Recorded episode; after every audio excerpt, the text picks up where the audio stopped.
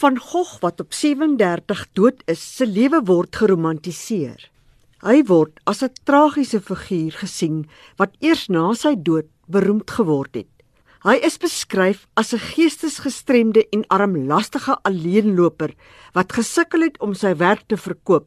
Van Gogh is in 1890 in Auvergne-Rhois in Frankryk aan 'n maagwond dood. Maar van der Leek glo daar is meer aan die skynbare selfmoord en die afsny van sy oor.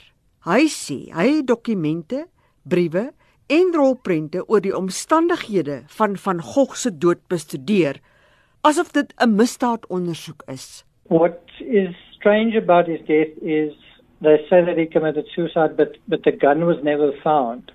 And you'd think that you know he shot himself either he would have carried the gun to you know back to his uh, room at the inn or he would have left it where he shot himself. And so the gun disappeared. Also his painting uh, equipment disappeared. All the circumstances around the shooting were, were weird. Like he there's a downward trajectory in terms of where he was shot and then also he was shot in the stomach. So someone who commits suicide wants to end their agony and end their suffering. He, he suffered for 30 hours before he died. So those circumstances were very strange and very bizarre. Van der Leek sê die raaisel kan net verdiep toe hy die rol ondersoek het van Dr Paul Cachet, 'n voormalige weermagdokter met sy eie aspirasies om 'n beroemde kunstenaar te word. Gachet en van Gogh het hegte vriende geword kort na die kunstenaar 18 maande in 'n psigiatriese hospitaal deurgebring het.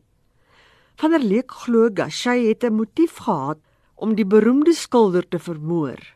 Van Gogh het aan neurosifilis gely, vermoedelik die bron van sy geestesongesteldheid.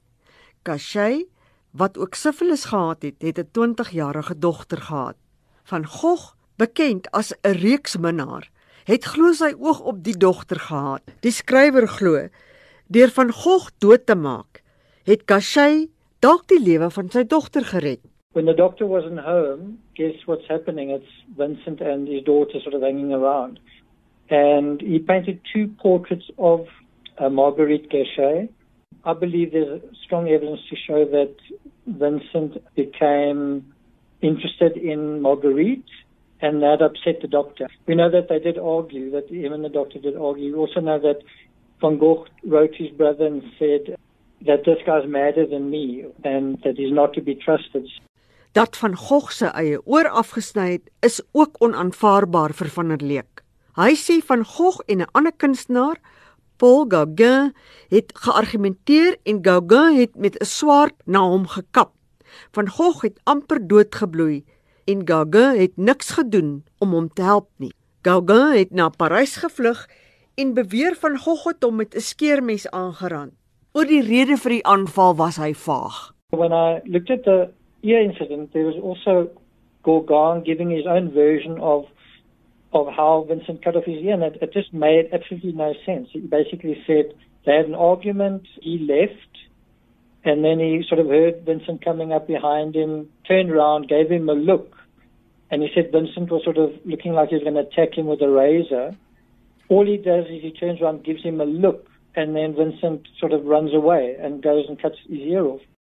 Van der Leek se teorie is dat Van Gogh verantwoordelikheid vir die twee aanvalle aanvaar het om die jong vrou op wie hy verlief was te beskerm. Die hoogste prys ooit is 26 jaar gelede vir 'n Van Gogh skildery betaal van sowat 900 miljoen rand. Marina van Wyk in Bloemfontein het hierdie bydrae saamgestel. Mitsi van der Merwe, SAK nuus.